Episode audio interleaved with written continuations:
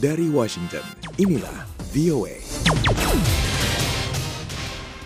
Halo, selamat malam pendengar di Indonesia. Salam sejahtera bagi Anda semua. Kami berharap Anda sehat, berbahagia, dan sukses selalu. Senang sekali Lea Johannes dan Utami Husin dapat berjumpa lagi Selasa ini 28 Januari 2020 dalam siaran langsung dari Studio 17 di Ibu Kota Amerika, Washington DC. VOA mengajak Anda mengikuti perkembangan berita dari berbagai penjuru dunia di antaranya korban tewas akibat virus corona lampaui 100 orang.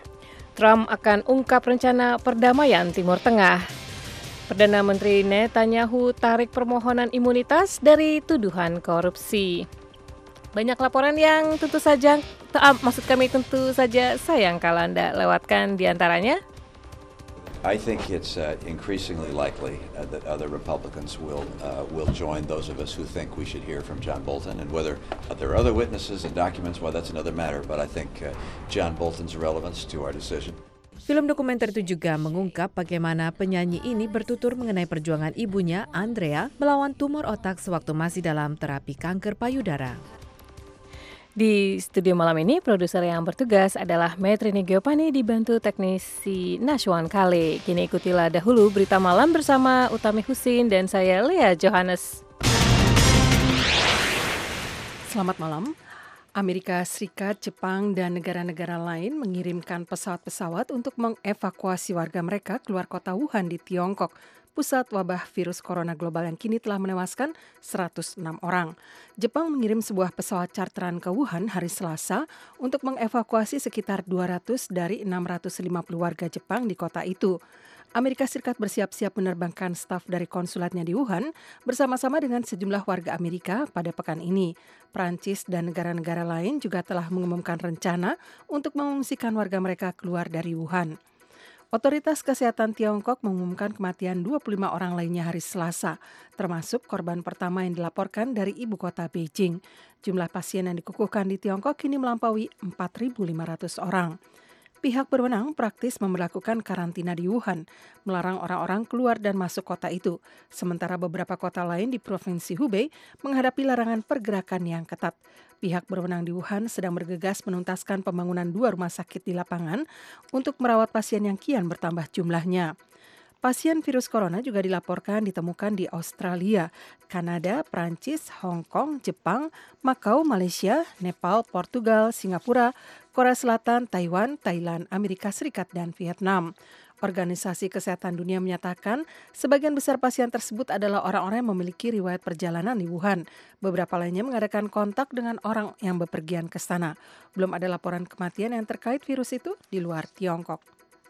Para pejabat di Afghanistan menyatakan serangan Taliban menjelang subuh di Afghanistan Utara telah menewaskan sedikitnya 13 polisi. Serangan terjadi sewaktu kelompok pemberontak itu terlibat dalam pembicaraan berhari-hari dengan Amerika mengenai kemungkinan peredaan pertempuran untuk memajukan proses perdamaian mereka yang macet. Seorang pejabat setempat mengatakan kepada VOA secara anonim bahwa pemberontak menyerbu pos polisi di Pul E Kumri, ibu kota provinsi Bahlan, dan menyerbunya dengan bantuan seseorang yang diduga penyusup Taliban. Juru bicara kepolisian provinsi, Javed Ahmad Basyarat, mengukuhkan kepada VOA bahwa serangan itu menewaskan komandan pos tersebut dan kedua pihak mengalami korban tewas dalam jumlah besar dalam bentrokan yang terjadi selanjutnya. Tetapi ia tidak menyebutkan jumlah polisi yang tewas. Juru bicara Taliban, Zabihullah Mujahid, mengklaim dalam suatu pernyataan yang dikirim kepada media bahwa serangan itu menewaskan 17 personel polisi dan menangkap beberapa lainnya. Kelompok pemberontak itu kerap mengeluarkan data jumlah korban yang dibesar-besarkan. Pasukan keamanan Afghanistan juga mengklaim telah menewaskan puluhan anggota Taliban yang beroperasi di beberapa provinsi dalam beberapa hari ini. Ingin menyimak kembali siaran kami? Kunjungi situs kami di www.voaindonesia.com.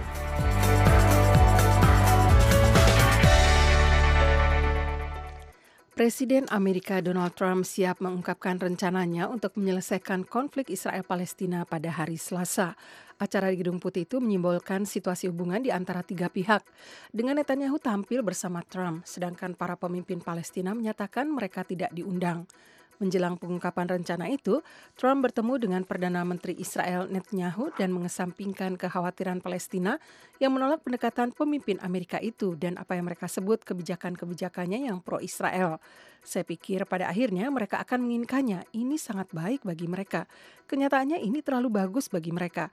Jadi kita lihat apa yang akan terjadi. Sekarang tanpa mereka kita tidak membuat kesepakatan apa pun dan ini tidak apa-apa ujar Trump. Perdana Menteri Palestina Muhammad Stayeh mengatakan rencana Trump lebih merupakan cara untuk menghancurkan masalah Palestina. Belum jelas seberapa banyak rencana perdamaian yang diungkapkan Trump kepada Netanyahu dan lawan politik utamanya Benny Gantz dalam pertemuan terpisah hari Senin. Tetapi Netanyahu mengatakan rencana itu merupakan kesempatan untuk membuat sejarah dan menetapkan perbatasan Israel. Ia juga memuji Trump karena membuat aliansi Amerika Israel lebih kuat daripada sebelumnya. Perdana Menteri Israel Benjamin Netanyahu menarik permintaan untuk mendapatkan kekebalan dari proses hukum hari Selasa beberapa jam sebelum sidang di parlemen dimulai.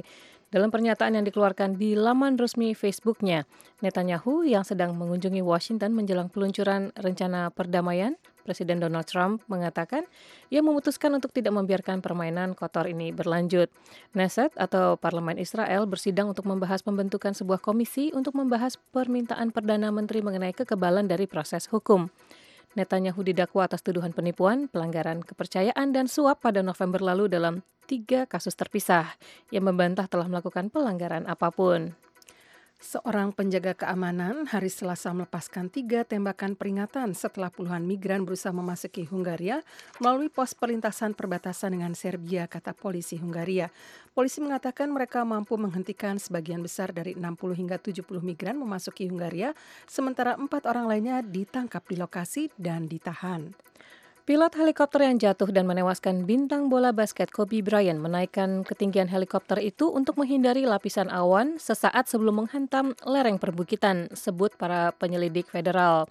Jennifer Homendy dari Badan Keselamatan Transportasi Nasional atau NTSB Senin mengatakan, pilot itu menerima izin khusus untuk terbang di tengah lapisan kabut tebal dan beberapa menit kemudian memberitahu petugas lalu lintas udara mengenai kenaikan itu. Sekian warta berita dari VOA Washington.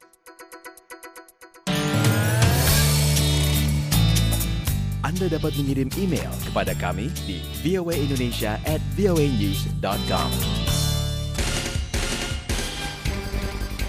Pengadilan pemakzulan Presiden Amerika Donald Trump dilanjutkan hari Senin di tengah-tengah munculnya laporan mengenai bukti baru yang dapat mengubah hasil pemungutan suara dari para senator Republik tentang perlu tidaknya menghadirkan saksi-saksi akhir. Koresponden VOA Catherine Gibson melaporkan disampaikan oleh Leonard Triono. John Bolton, seorang saksi yang telah lama diinginkan oleh Partai Demokrat dari Kongres, kini sekali lagi menjadi fokus dari upaya mereka setelah manuskrip bukunya yang bocor mengungkapkan kesaksian langsungnya yang bisa mengukuhkan tuduhan penyalahgunaan kekuasaan terhadap Trump, seperti diungkapkan oleh Senator Demokrat Chuck Schumer. Not only tidak hanya ada lebih banyak bukti bahwa Presiden menahan bantuan untuk mendapatkan keuntungan politik dan investigasi, tetapi tampaknya ada upaya besar menutup-nutupi di antara begitu banyak orang terkemuka di Gedung Putih yang tahu tentang hal itu dan tidak mengatakan apa-apa tentang itu, apalagi berusaha menghentikannya jika ada sedikit pun logika yang tersisa untuk tidak mendengarkan saksi dan memeriksa dokumen-dokumen itu, maka buku Bolton baru saja menghapusnya. Demikian ujar Senator Chuck Schumer. Tetapi ketika hari kedua pembelaan presiden berlangsung, salah seorang pengacara Trump, J. Sekulo, secara tidak langsung menanggapi klaim Bolton tersebut. We deal with transcript evidence. We deal with kita berurusan dengan bukti transkrip, kita berurusan dengan informasi yang tersedia untuk umum. Kita tidak berurusan dengan tuduhan spekulatif yang tidak didasarkan pada standar pembuktian sama sekali. Demikian ujar J. Sekulo. Sementara itu, Presiden Trump mentah-mentah menyangkal tuduhan tersebut.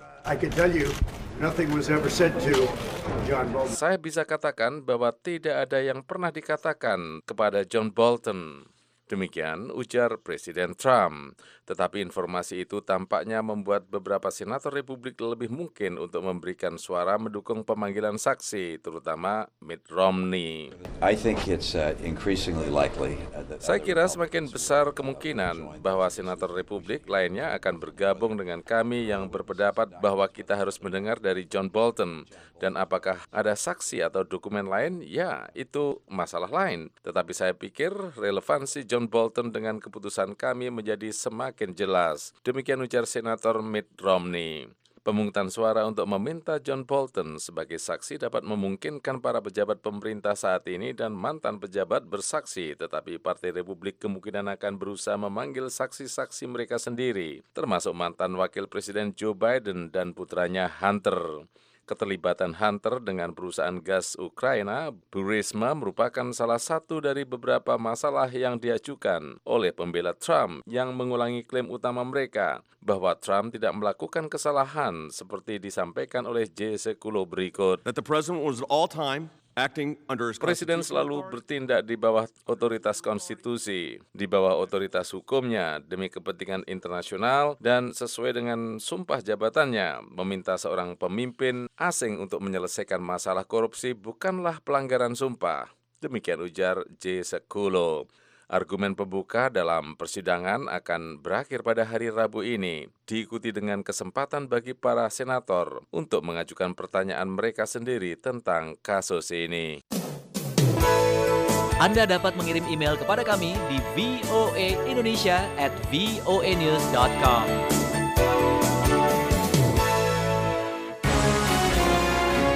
Dampak informasi penyebaran virus corona terjadi di sejumlah daerah di Jawa Tengah. Antisipasi dan edukasi menjadi kunci meredam kekhawatiran masyarakat pada bahaya virus tersebut. Ikuti laporan selengkapnya bersama reporter VOA Yuda Satriawan. Rumah Sakit Dr. Muadi Solo menjadi salah satu dari 10 rumah sakit milik pemerintah di Jawa Tengah yang menjadi rujukan penanganan pasien virus corona. Ketersediaan ruang isolasi, instalasi gawat darurat khusus, peralatan medis khusus hingga tim medis, dokter lintas, bidang spesialis, dan sebagainya. Direktur Rumah Sakit Dr. Muardi Solo, Dr. Cahyaradi mengungkapkan tim khusus ini sudah berpengalaman menangani kasus sejenis sebabkan virus corona sebelumnya. kita mempunyai tenaga-tenaga yang eh, cukup bandal karena pernah berpengalaman dalam waktu menghadapi kasus flu burung. Kita sudah mempersiapkan mulai dari UGD sampai dengan Isolasi. ruang isolasi. Ruang yang disiapkan ada dua bed tapi kita punya cadangan 6 bed. Jadi kita punya cadangan untuk 8 pasien. Dokter spesialis yang disiapkan adalah dokter paru, dokter penyakit dalam, dokter anak, radiologi, klinik, terus kemudian radiologi, Tak hanya di bidang medis, dunia pariwisata juga terkena dampak virus tersebut. General Manager Bandara Internasional Adi Sumarmo, Abdullah Usman mengatakan penangguhan penerbangan charter dengan rute Kunming Tiongkok Solo mulai pekan ini dan dilakukan hingga batas waktu yang belum ditentukan. Jadi tidak tidak dari sana tidak membawa lagi sementara waktu, tapi ada penerbangan hanya mengembalikan yang minggu kemarin datang gitu aja. mulai Hari ini, hari ini itu akan berlaku sampai berapa lama Pak? sampai UFN UFN itu sampai tidak terbatas, until further notice namanya. Sampai penyakitnya reda baru dibuka lagi. Kalau minggu depan berarti belum ada kepastian. Belum ada kepastian. Walaupun Kumbing sama Wuhan itu jauh banget, tapi ya kita nyakit soalnya ini. Penyebaran cepat banget. Pengelola Bandara di Sumarmo, Surakarta juga memasang berbagai fasilitas untuk mengantisipasi penyebaran virus corona, antara lain dengan thermal scan atau pemindai suhu tubuh hingga sosialisasi pemakaian masker. Pakar penyakit infeksi pernafasan dari Fakultas Kedokteran Universitas 11 Maret atau UNS Solo, Dr. Reviono, spesialis baru mengatakan masyarakat terus tanggap mengamati perkembangan informasi virus corona jenis baru ini. Menurut dokter yang pernah menjadi tim antisipasi virus flu burung di salah satu rumah sakit pemerintah Jawa Tengah di Solo ini, masa inkubasi virus corona sekitar tiga hari sebelum orang yang terjangkiti tersebut mengalami demam dan gejala lain. Coronavirus itu sudah dua kali, jadi ini yang ketiga yang membuat wabah yang menarik perhatian masyarakat dunia. Kebanyakan meninggal itu kan usia tua sama yang punya penyakit penyerta. Kalau yang 80% lebih atau ya itu orang yang tidak punya penyakit penyerta dan orang yang muda itu biasanya sembuh. Ada inkubasi itu masuknya virus sampai sampai timbul gejala itu sekitar tiga hari. Dari Solo, Jawa Tengah, Yudha Satriawan melaporkan untuk VOA Washington.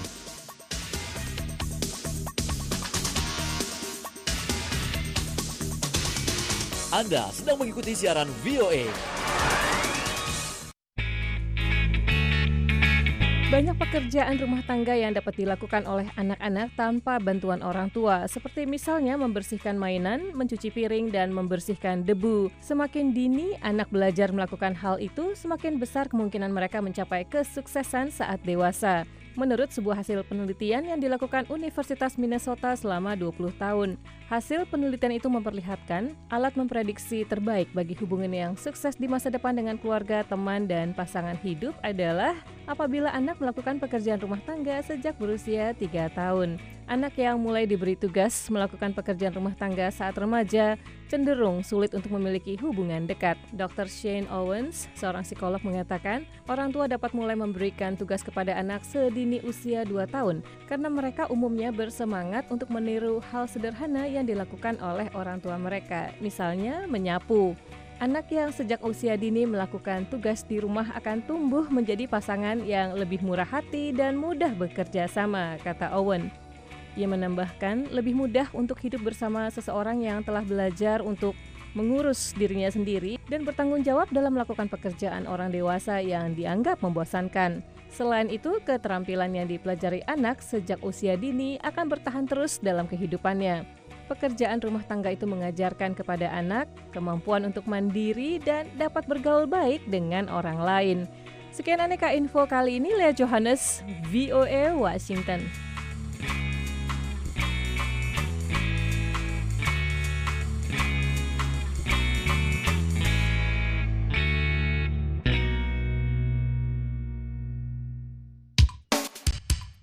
Ingin tahu berita menarik, terkini, dan terpercaya? Ikuti kami di Instagram at VOA Indonesia.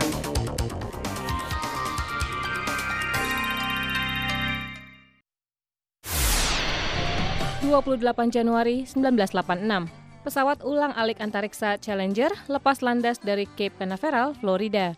73 detik kemudian, ratusan penonton terpana menyaksikan Challenger meledak di angkasa. Begitu pula jutaan pemirsa televisi yang menyaksikan tayangan langsung peluncurannya. Salah seorang awak Challenger, Krista McAuliffe, adalah warga sipil biasa pertama yang akan melakukan perjalanan ke antariksa ketika itu. Ia adalah guru ilmu sosial di sebuah SMA di New Hampshire yang memenangkan kompetisi sehingga termasuk di antara tujuh awak Challenger. Setelah menjalani pelatihan selama berbulan-bulan, Krista dan rekan-rekannya semula dijadwalkan lepas landas pada tanggal 23 Januari 1986. Namun peluncuran itu berulang kali ditunda karena masalah teknis dan cuaca yang tidak memungkinkan. Meledaknya Challenger merupakan kecelakaan besar pertama pada pesawat ulang alik.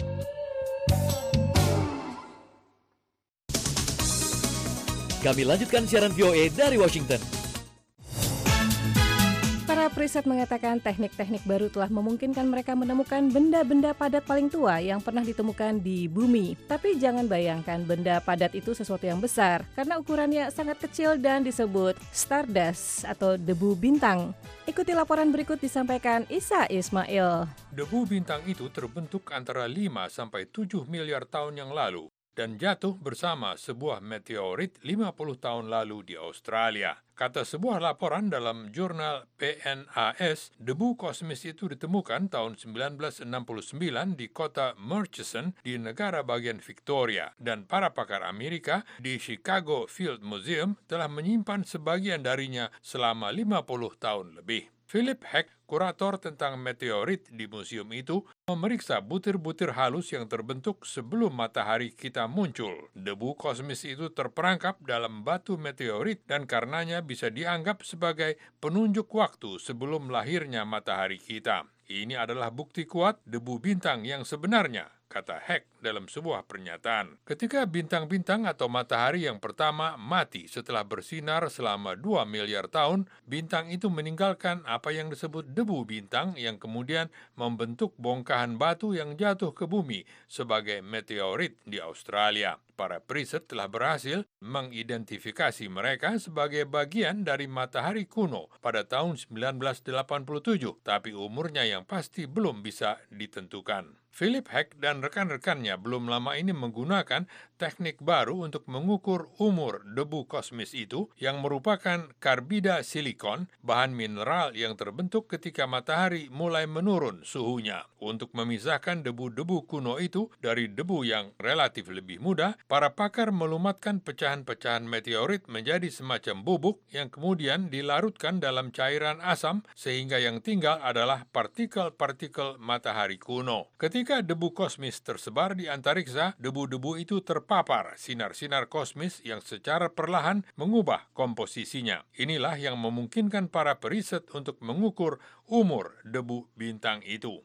Kini para periset telah berhasil mengetahui umur 40 butir debu kosmis yaitu antara 4,6 sampai 4,9 miliar tahun. Dan karena bintang atau matahari jenis itu masa hidupnya adalah antara 2 sampai 2,5 miliar tahun, maka umur mataharinya sebelum padam bisa mencapai 7 miliar tahun. Ini adalah bahan-bahan padat paling tua yang pernah kita temukan dan menunjukkan bagaimana bintang atau matahari terbentuk dalam galaksi kita, kata Philip Heck. Dari Washington, saya Isa Ismail.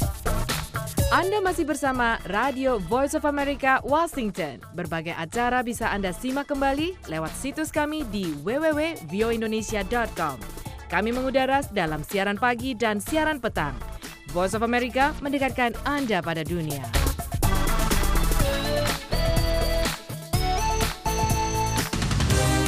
Berbagai blog olahraga memberi kiat soal cara menghilangkan bau dari sepatu selepas olahraga. Umumnya cara-cara tradisional menggunakan bubuk atau semprotan. Tapi kini ada cara berteknologi tinggi memanfaatkan sinar ultraviolet dan inframerah untuk membuat sepatu tetap segar selepas olahraga. Perangkat teknologi Shoe Blast dipamerkan oleh Yang Kang, Direktur Marketing Smart Room Bank E dalam Consumer Electronic Show di Las Vegas baru-baru ini. Selengkapnya disampaikan Nova Purwadi dalam Amerika Kini. Masalah yang dihadapi banyak orang yang suka berolahraga termasuk yang menempati resolusi tahun baru – Begitu sepatu dipakai berlari atau beraktivitas lain, ada bau yang tak sedap. Karena itulah Smartrium Bank E, sebuah perusahaan rintisan Korea Selatan, memproduksi alat yang begitu dimasukkan sepatu mendeteksi adanya kelembapan dan bereaksi dengan membunuh bakteri penyebab bau. Alat ini diberi nama Shoe Blast. So Shoe Blast is a dehumidifier as well as a sterilizer uh, for shoes and universally for all shoes as well, not just athletic or any dress shoes. Um, it sterilizes using UV light um, and disinfects 99.9% of all germs using uh, infrared light as well as um, UV light, and then dehumidifies by using this heat conduction fan that reaches up to optimal 50 degrees Celsius as well. Shoeblast diperkenalkan di pameran akbar teknologi Consumer Electronic Show baru-baru ini di Las Vegas, negara bagian Nevada. Salah satu kelebihannya bisa juga dibawa ke kantor atau saat bepergian. Once you come home, you can just put your shoes right aside and you can just pop in these.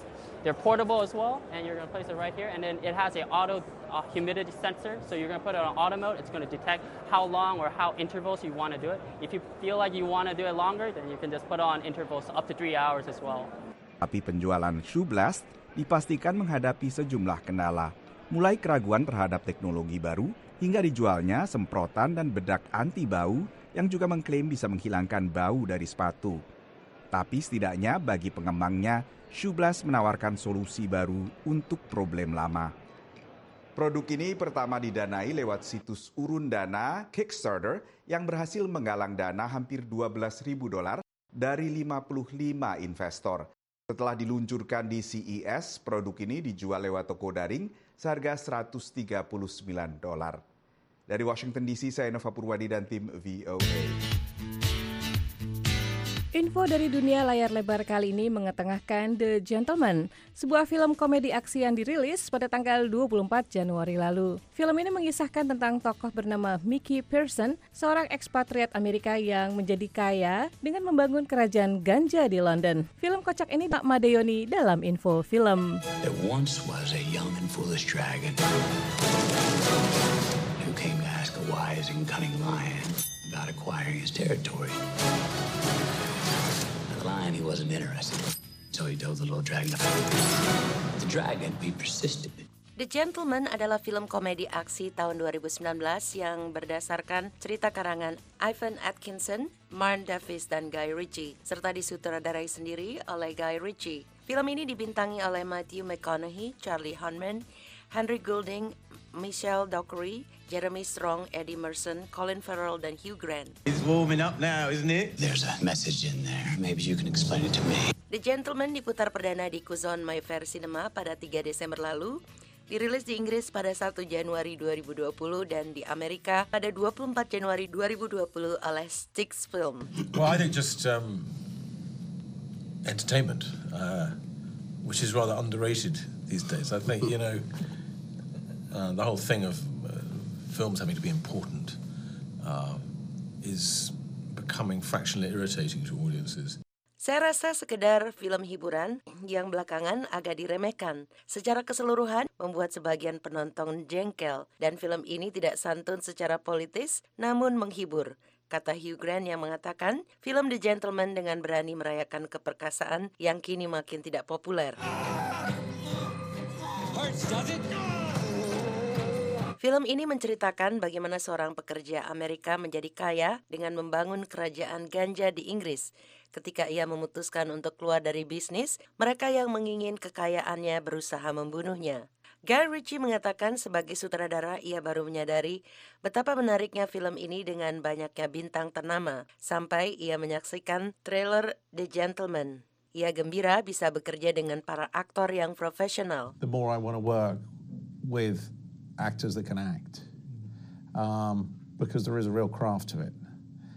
And when you can tap into that craft, it makes my job much easier and makes me look better too.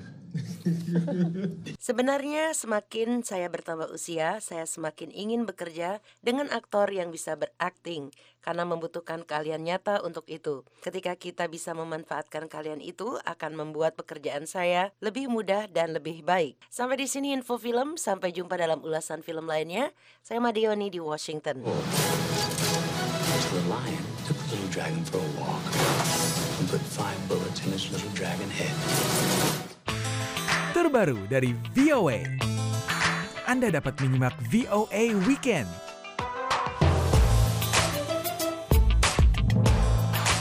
VOA Weekend akan menyajikan beragam cerita yang mengupas kehidupan kampus di Amerika. Kisah inspiratif dari dunia perempuan juga tak kalah menarik serba-serbi Islam di Amerika. Simak program 30 menit VOA Weekend setiap Sabtu dan Minggu pukul 5 sore waktu Indonesia Barat. Jangan lupa VOA Weekend.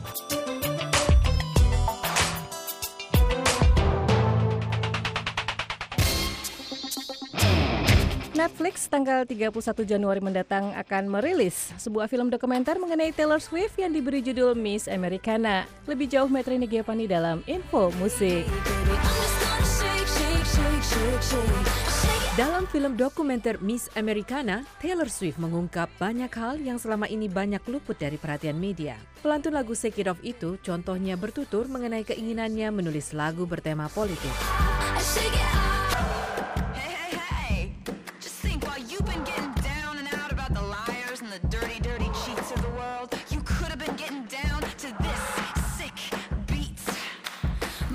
Merupakan reaksi penyanyi itu terhadap kekalahan dua kandidat anggota Kongres Amerika Serikat, Bill Bredesen dan Jim Cooper, dalam pemilu sela Amerika Serikat beberapa waktu lalu. Film dokumenter itu juga mengungkap bagaimana penyanyi ini bertutur mengenai perjuangan ibunya, Andrea, melawan tumor otak sewaktu masih dalam terapi kanker payudara. Karena persoalan yang dihadapi ibunya itu pula, Taylor Swift mempersingkat turnya di Amerika Serikat dan Eropa. Ia ingin menghabiskan lebih banyak waktu dengan ibunya. Miss Americana diarahkan sutradara Lana Wilson. Film ini menyoroti perjalanan hidup penyanyi sekaligus penulis lagu itu selama beberapa tahun perjalanan karirnya. Sekian dulu info musik, saya Metrini Giovanni, Voice of America, Washington DC.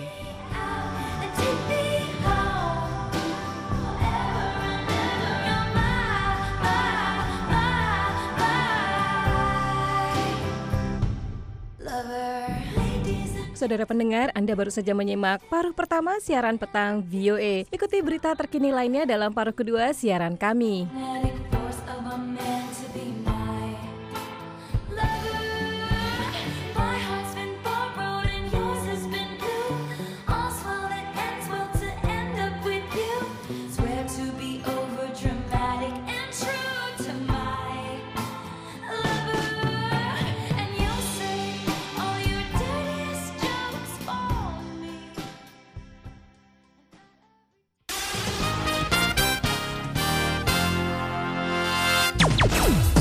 Dari Washington, inilah VOA. Halo pendengar di Indonesia, jumpa lagi dalam paruh kedua siaran malam VOA Washington yang dipancarluaskan langsung dari Studio 17 di Ibu Kota Amerika, 28 Januari 2020. Anda masih bersama Lea Johannes dan Utami Husin yang akan mengajak Anda mengikuti perkembangan terkini dari berbagai penjuru dunia, di antaranya Badan Pangan PBB nyatakan bantuan dijarah di daerah kekuasaan Houthi di Yaman. Korban tewas akibat virus corona lampaui 100 orang. Trump akan ungkap rencana perdamaian Timur Tengah. Produser Metrini Geopani dan teknisi Nasuan Kali telah menyiapkan sejumlah informasi penting dan menarik lainnya. Inilah cuplikannya.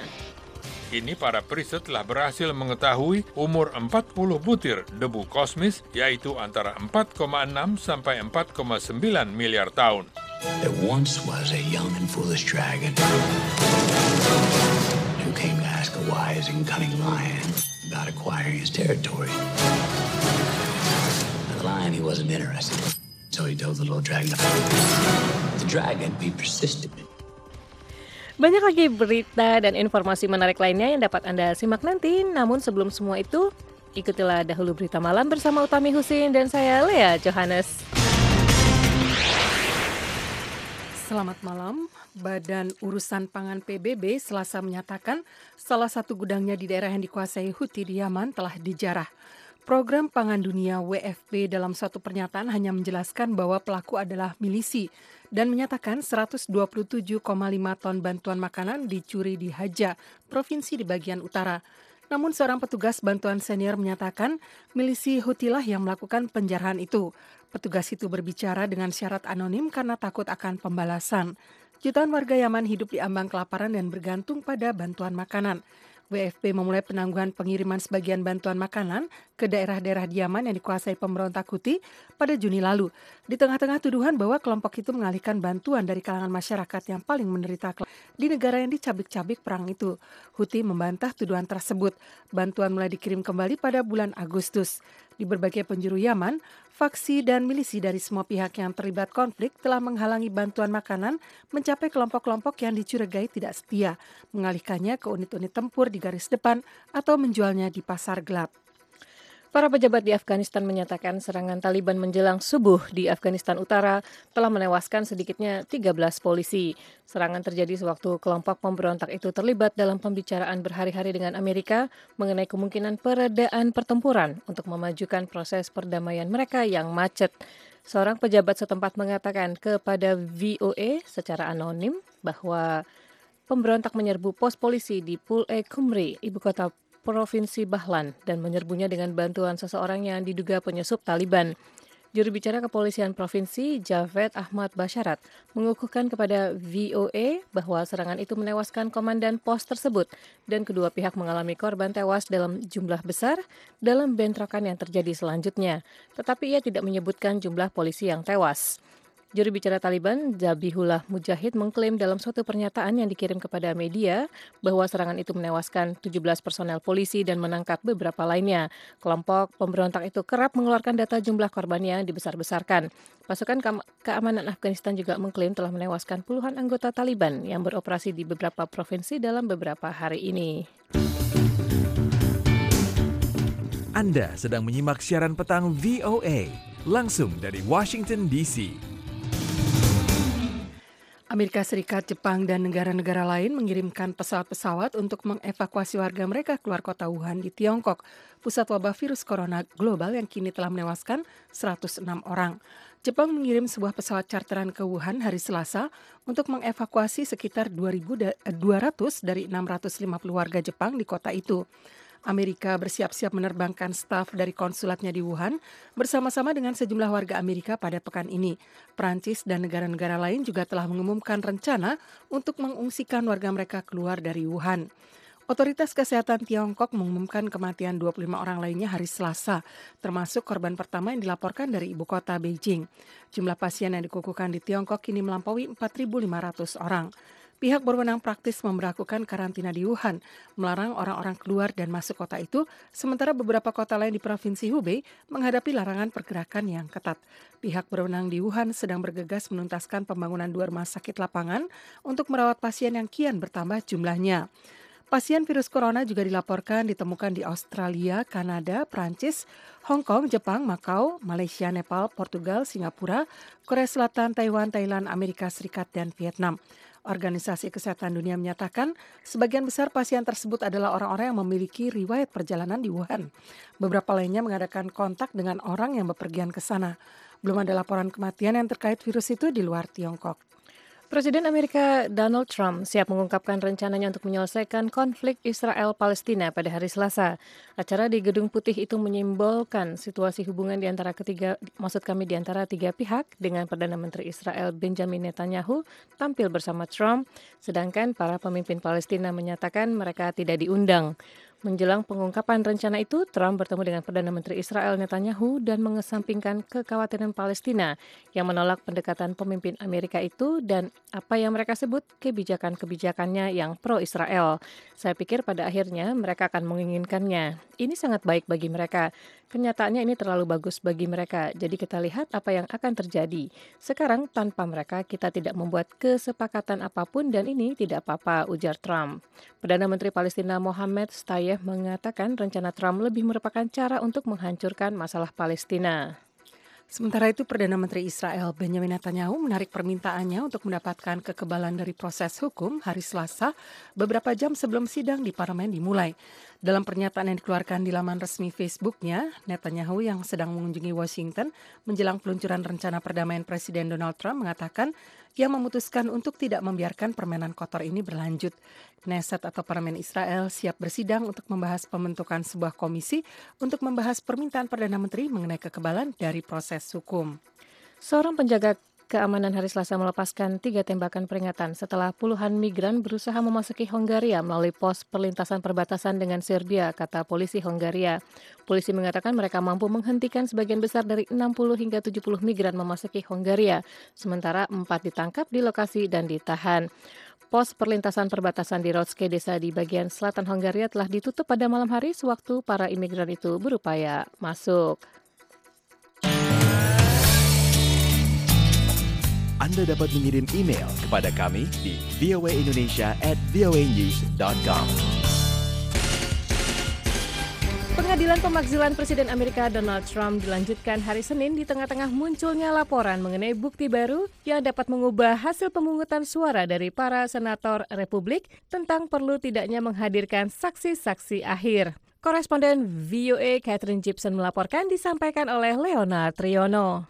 John Bolton, seorang saksi yang telah lama diinginkan oleh Partai Demokrat dari Kongres, kini sekali lagi menjadi fokus dari upaya mereka setelah manuskrip bukunya yang bocor mengungkapkan kesaksian langsungnya yang bisa mengukuhkan tuduhan penyalahgunaan kekuasaan terhadap Trump, seperti diungkapkan oleh Senator Demokrat Chuck Schumer. Not only tidak hanya ada lebih banyak bukti bahwa Presiden menahan bantuan untuk mendapatkan keuntungan politik dan investigasi, tetapi tampaknya ada upaya besar menutup-nutupi di antara begitu banyak orang terkemuka di Gedung Putih yang tahu tentang hal itu dan tidak mengatakan apa-apa tentang itu, apalagi berusaha menghentikannya. Jika ada sedikit pun logika yang tersisa untuk tidak mendengarkan saksi dan memeriksa dokumen-dokumen itu, maka buku Bolton baru saja menghapusnya. Demikian ujar Senator Chuck Schumer. Tetapi ketika hari kedua pembelaan presiden berlangsung, salah seorang pengacara Trump, J. Sekulo, secara tidak langsung menanggapi klaim Bolton tersebut. We deal with transcript evidence. We deal with kita berurusan dengan bukti transkrip, kita berurusan dengan informasi yang tersedia untuk umum. Kita tidak berurusan dengan tuduhan spekulatif yang tidak didasarkan pada standar pembuktian sama sekali. Demikian ujar J. Sekulo. Sementara itu, Presiden Trump mentah-mentah menyangkal tuduhan tersebut. Saya bisa katakan bahwa tidak ada yang pernah dikatakan kepada John Bolton. Demikian ujar Presiden Trump. Tetapi informasi itu tampaknya membuat beberapa senator Republik lebih mungkin untuk memberikan suara mendukung pemanggilan saksi, terutama Mitt Romney. I think it's uh, increasingly likely uh, that Saya kira semakin besar kemungkinan bahwa senator Republik lainnya akan bergabung dengan kami yang berpendapat bahwa kita harus mendengar dari John Bolton. Dan apakah ada saksi atau dokumen lain? Ya, itu masalah lain. Tetapi saya pikir relevansi John Bolton dengan keputusan kami menjadi semakin jelas. Demikian ujar Senator Mitt Romney.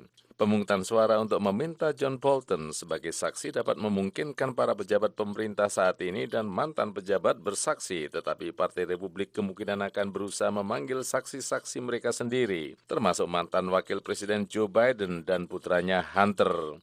Keterlibatan Hunter dengan perusahaan gas Ukraina, Burisma merupakan salah satu dari beberapa masalah yang diajukan oleh pembela Trump yang mengulangi klaim utama mereka bahwa Trump tidak melakukan kesalahan seperti disampaikan oleh J. Sekulo berikut. That the president was all time Presiden selalu bertindak di bawah otoritas konstitusi, di bawah otoritas hukumnya demi kepentingan internasional dan sesuai dengan sumpah jabatannya meminta seorang pemimpin asing untuk menyelesaikan masalah korupsi bukanlah pelanggaran sumpah.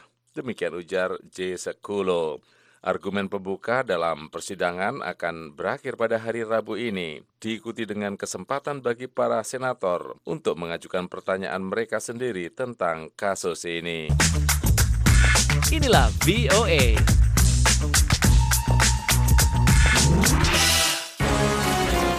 Institute for Criminal Justice Reform mendorong pemerintah dan DPR untuk membuat platform digital untuk transparansi pembuatan undang-undang dan meningkatkan partisipasi publik. Sasmito Madrim menyampaikan laporannya dari Jakarta. Direktur Institute for Criminal Justice and Reform atau ICGR Anggara mengatakan, pemerintah dan DPR perlu transparan dalam membuat undang-undang. Sebab kata dia, undang-undang tersebut akan berdampak luas kepada seluruh masyarakat. Ia mencontohkan pembuatan rancangan undang-undang atau RUU yang belum transparan yaitu RUU Cipta Lapangan Kerja yang mendapat penolakan dari buruh. Dokumen RUU yang beredar di masyarakat itu kemudian diklarifikasi pemerintah dengan menyebut draft tersebut tidak dapat dipertanggungjawabkan menurutku dari awal pemerintah malah menutup diri kan dari dari pandangan masyarakat kan. Seolah-olah masyarakat itu dianggap pengganggu. Jadi kalau mau cepat dibahas antar KL, ya masyarakat jangan dilibatkan gitu kan. Anggara mencontohkan pembahasan RUU lain yang tidak transparan pada periode DPR sebelumnya yaitu RKUHP, RUU KPK, dan RUU Terorisme. Menurutnya masyarakat tidak mendapatkan informasi yang cukup terkait isi rancangan terbaru yang dibahas pemerintah dan DPR kala itu. Bantahan yang sama kala itu juga disampaikan pemerintah soal isi RKUHP yang mendapat penolakan masyarakat di berbagai daerah pada September lalu. Atas dasar tersebut, Anggara meminta pemerintah dan DPR membuat platform digital yang berisi tentang perkembangan pembahasan RUU baik usulan dari pemerintah maupun dari DPR secara berkala, sehingga masyarakat mendapat informasi yang benar tentang isi RUU dan tidak timbul kecurigaan bahwa DPR dan pemerintah hanya mengakomodir kepentingan kelompok tertentu. Menanggapi itu, Sekretaris Jenderal DPR Indra Iskandar mengatakan Badan Keahlian DPR sudah memiliki sistem informasi legislatif atau SILEK yang menyediakan informasi tentang parlemen. Menurutnya informasi tersebut dapat diakses secara penuh oleh publik. Hanya kata dia lembaganya memang masih terkendala jaringan internet yang kurang baik sehingga menyulitkan masyarakat untuk mengakses informasi. Ia juga mengakui fitur yang tersedia di Silek masih kurang lengkap. Ia berjanji akan melengkapi fitur-fitur sesuai kebutuhan masyarakat sehingga semua akses informasi yang dibutuhkan masyarakat dapat dipenuhi. Sebenarnya yang terbuka tuh harusnya bukan hanya DPR di pemerintah karena undang-undang itu RUU sebuah RUU itu menjadi undang-undang itu sebenarnya nggak eh, mungkin terjadi kalau tidak ada kesepakatan kedua belah pihak baik eksekutif maupun legislatif. Iya. Eksekutif setuju, legislatif nggak setuju nggak bisa atau sebaliknya legislatif setuju, eksekutif nggak setuju juga nggak bisa jadi. Menurut Iskandar, keterbukaan informasi di pemerintah bisa dilakukan kementerian yang mendapat tugas dari pemerintah untuk membahas undang-undang atau bisa juga kata dia melalui Kementerian Hukum dan HAM yang memiliki tugas harmonisasi undang-undang. Pekan lalu pemerintah mengklarifikasi RUU Penciptaan Lapangan Kerja yang beredar di masyarakat setelah mendapat penolakan dari organisasi-organisasi buruh. Menurut Sekretaris Kementerian Koordinator Bidang Perekonomian Susi Wijono melalui rilis, RUU Cipta Lapangan Kerja masih dalam proses finalisasi oleh pemerintah. Isi RUU yang beredar berjudul Penciptaan Lapangan Kerja, sedangkan yang sedang dalam proses finalisasi berjudul Cipta Lapangan Kerja. Dari Jakarta, Sasmita Madre melaporkan untuk VOA Washington. Anda sedang mengikuti siaran VOA. Banyak pekerjaan rumah tangga yang dapat dilakukan oleh anak-anak tanpa bantuan orang tua, seperti misalnya membersihkan mainan, mencuci piring, dan membersihkan debu. Semakin dini anak belajar melakukan hal itu, semakin besar kemungkinan mereka mencapai kesuksesan saat dewasa menurut sebuah hasil penelitian yang dilakukan Universitas Minnesota selama 20 tahun. Hasil penelitian itu memperlihatkan alat memprediksi terbaik bagi hubungan yang sukses di masa depan dengan keluarga, teman, dan pasangan hidup adalah apabila anak melakukan pekerjaan rumah tangga sejak berusia 3 tahun. Anak yang mulai diberi tugas melakukan pekerjaan rumah tangga saat remaja cenderung sulit untuk memiliki hubungan dekat. Dr. Shane Owens, seorang psikolog mengatakan, orang tua dapat mulai memberikan tugas kepada anak sedini usia 2 tahun karena mereka umumnya bersemangat untuk meniru hal sederhana yang dilakukan oleh orang tua mereka, misalnya menyapu. Anak yang sejak usia dini melakukan tugas di rumah akan tumbuh menjadi pasangan yang lebih murah hati dan mudah bekar untuk mengurus dirinya sendiri, dan bertanggung jawab dalam melakukan pekerjaan orang dewasa yang dianggap membosankan. Selain itu, keterampilan yang dipelajari anak sejak usia dini akan bertahan terus dalam kehidupannya. Pekerjaan rumah tangga itu mengajarkan kepada anak kemampuan untuk mandiri dan dapat mereka info kali ini Lea Johannes, VOA Washington.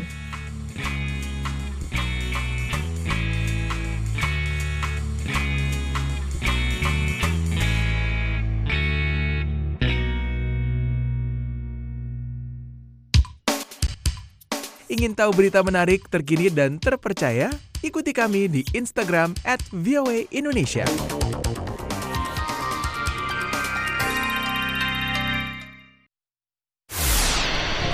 ...28 Januari 1986, pesawat ulang alik antariksa Challenger lepas landas dari Cape Canaveral, Florida. 73 detik kemudian, ratusan penonton terpana menyaksikan Challenger meledak di angkasa. Begitu pula jutaan pemirsa televisi yang menyaksikan tayangan langsung peluncurannya. Salah seorang awak Challenger, Krista McAuliffe, adalah warga sipil biasa pertama yang akan melakukan perjalanan ke antariksa ketika itu. Ia adalah guru ilmu sosial di sebuah SMA di New Hampshire yang memenangkan kompetisi sehingga termasuk di antara tujuh awak Challenger. Setelah menjalani pelatihan selama berbulan-bulan, Krista dan rekan-rekannya semula dijadwalkan lepas landas pada tanggal 23 Januari 1986. Namun peluncuran itu berulang kali ditunda karena masalah teknis dan cuaca yang tidak memungkinkan. Meledaknya Challenger merupakan kecelakaan besar pertama pada pesawat ulang alik.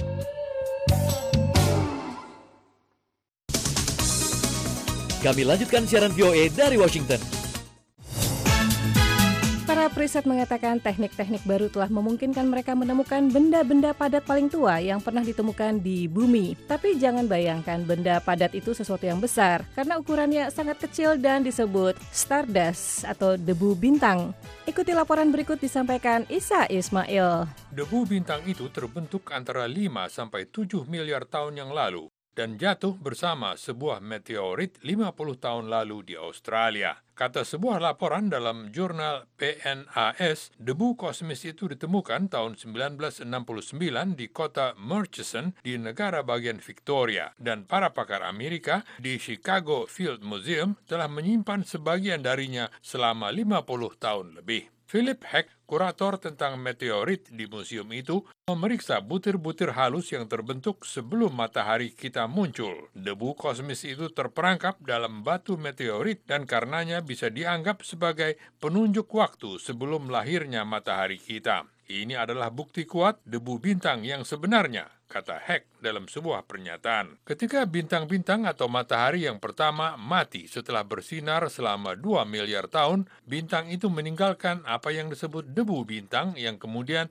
membentuk bongkahan batu yang jatuh ke bumi sebagai meteorit di Australia. Para periset telah berhasil mengidentifikasi mereka sebagai bagian dari matahari kuno pada tahun 1987, tapi umurnya yang pasti belum bisa ditentukan. Philip Heck dan rekan-rekannya belum lama ini menggunakan teknik baru untuk mengukur umur debu kosmis itu yang merupakan karbida silikon, bahan mineral yang terbentuk ketika matahari mulai menurun suhunya. Untuk memisahkan debu-debu kuno itu dari debu yang relatif lebih muda, para pakar melumatkan pecahan-pecahan meteorit menjadi semacam bubuk yang kemudian dilarutkan dalam cairan asam sehingga yang tinggal adalah partikel-partikel matahari kuno. Ketika Ketika debu kosmis tersebar di antariksa, debu-debu itu terpapar sinar-sinar kosmis yang secara perlahan mengubah komposisinya. Inilah yang memungkinkan para periset untuk mengukur umur debu bintang itu. Kini para periset telah berhasil mengetahui umur 40 butir debu kosmis yaitu antara 4,6 sampai 4,9 miliar tahun. Dan karena bintang atau matahari jenis itu masa hidupnya adalah antara 2 sampai 2,5 miliar tahun, maka umur mataharinya sebelum padam bisa mencapai 7 miliar tahun. Ini adalah bahan-bahan padat paling tua yang pernah kita temukan dan menunjukkan bagaimana bintang atau matahari terbentuk dalam galaksi kita, kata Philip Heck. Dari Washington, saya Isa Ismail. Anda masih bersama Radio Voice of America Washington. Berbagai acara bisa Anda simak kembali lewat situs kami di www.voindonesia.com. Kami mengudara dalam siaran pagi dan siaran petang. Voice of America mendekatkan Anda pada dunia.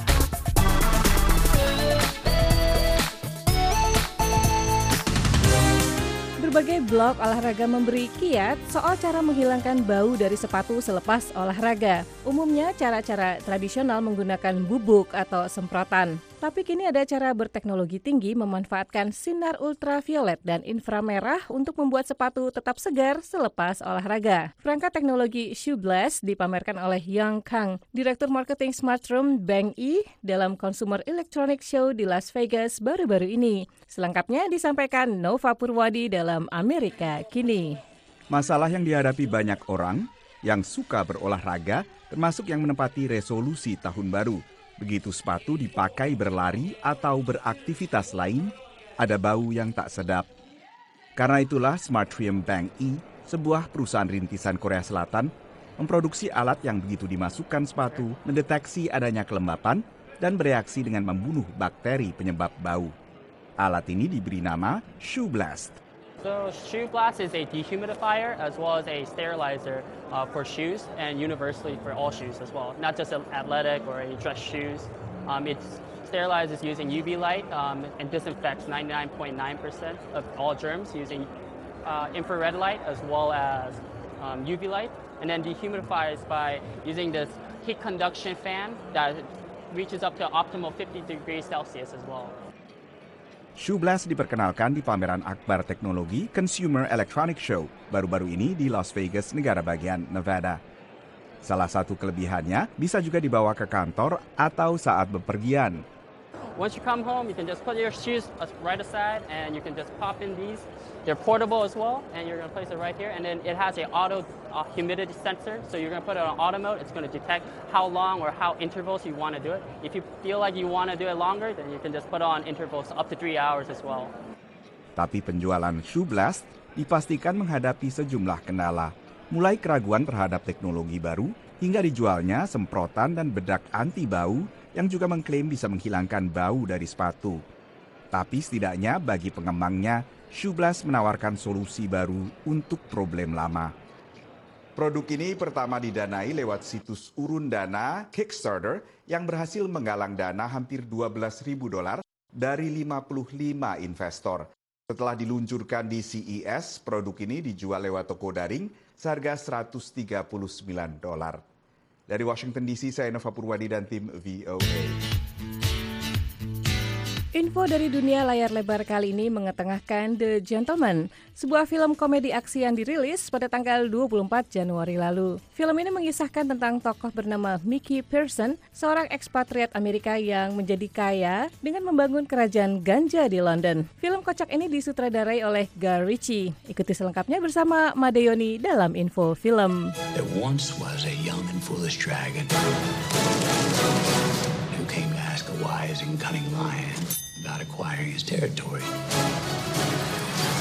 The lion, he wasn't interested, so he told the little dragon. The dragon, he persisted. The Gentleman adalah film komedi aksi tahun 2019 yang berdasarkan cerita karangan Ivan Atkinson, Marn Davis, dan Guy Ritchie, serta disutradarai sendiri oleh Guy Ritchie. Film ini dibintangi oleh Matthew McConaughey, Charlie Hunnam, Henry Goulding, Michelle Dockery, Jeremy Strong, Eddie Merson, Colin Farrell, dan Hugh Grant. It's warming up now, isn't it? There's a message in there. Maybe you can explain it to me. The Gentleman diputar perdana di Kuzon Mayfair Cinema pada 3 Desember lalu, dirilis di Inggris pada 1 Januari 2020 dan di Amerika pada 24 Januari 2020 oleh Styx Film. Well, I think just um, entertainment, uh, which is rather underrated these days. I think, you know, uh, the whole thing of uh, films having to be important uh, is becoming fractionally irritating to audiences. Saya rasa sekedar film hiburan yang belakangan agak diremehkan. Secara keseluruhan membuat sebagian penonton jengkel dan film ini tidak santun secara politis namun menghibur. Kata Hugh Grant yang mengatakan film The Gentleman dengan berani merayakan keperkasaan yang kini makin tidak populer. Film ini menceritakan bagaimana seorang pekerja Amerika menjadi kaya dengan membangun kerajaan ganja di Inggris. Ketika ia memutuskan untuk keluar dari bisnis, mereka yang mengingin kekayaannya berusaha membunuhnya. Guy Ritchie mengatakan sebagai sutradara ia baru menyadari betapa menariknya film ini dengan banyaknya bintang ternama sampai ia menyaksikan trailer The Gentleman. Ia gembira bisa bekerja dengan para aktor yang profesional. The more I want to work with actors that can act, um, because there is a real craft to it. And when you can tap into that craft, it makes my job much easier and makes me look better too. Sebenarnya semakin saya bertambah usia, saya semakin ingin bekerja dengan aktor yang bisa berakting karena membutuhkan kalian nyata untuk itu. Ketika kita bisa memanfaatkan kalian itu akan membuat pekerjaan saya lebih mudah dan lebih baik. Sampai di sini info film, sampai jumpa dalam ulasan film lainnya. Saya Madioni di Washington.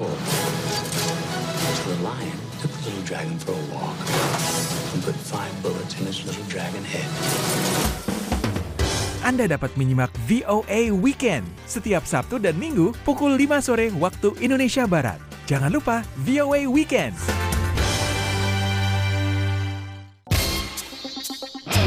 Netflix tanggal 31 Januari mendatang akan merilis sebuah film dokumenter mengenai Taylor Swift yang diberi judul Miss Americana. Lebih jauh Metrini Giovanni dalam Info Musik. Dalam film dokumenter Miss Americana, Taylor Swift mengungkap banyak hal yang selama ini banyak luput dari perhatian media.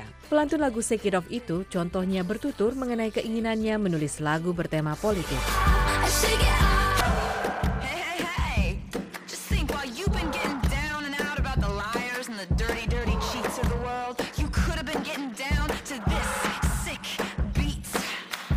Lagu ini merupakan reaksi penyanyi itu terhadap kekalahan dua kandidat anggota Kongres Amerika Serikat, Bill Bredesen dan Jim Cooper, dalam pemilu sela Amerika Serikat beberapa waktu lalu. Film dokumenter itu juga mengungkap bagaimana penyanyi ini bertutur mengenai perjuangan ibunya, Andrea, melawan tumor otak sewaktu masih dalam terapi kanker payudara. Karena persoalan yang dihadapi ibunya itu pula, Taylor Swift mempersingkat turnya di Amerika Serikat dan Eropa. Ia ingin menghabiskan lebih banyak waktu dengan ibunya. Miss Americana diarahkan sutradara Lana Wilson. Film ini menyoroti perjalanan hidup penyanyi sekaligus penulis lagu itu selama beberapa tahun perjalanan karirnya. Sekian dulu info musik, saya Metrini Giovanni, Voice of America, Washington DC.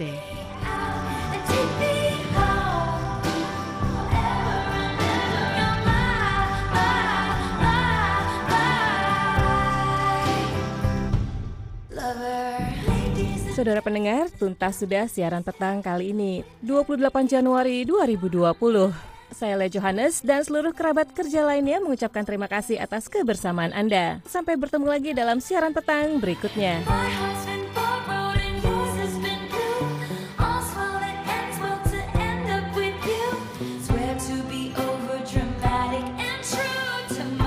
Program has come to you from the Voice of America, Washington.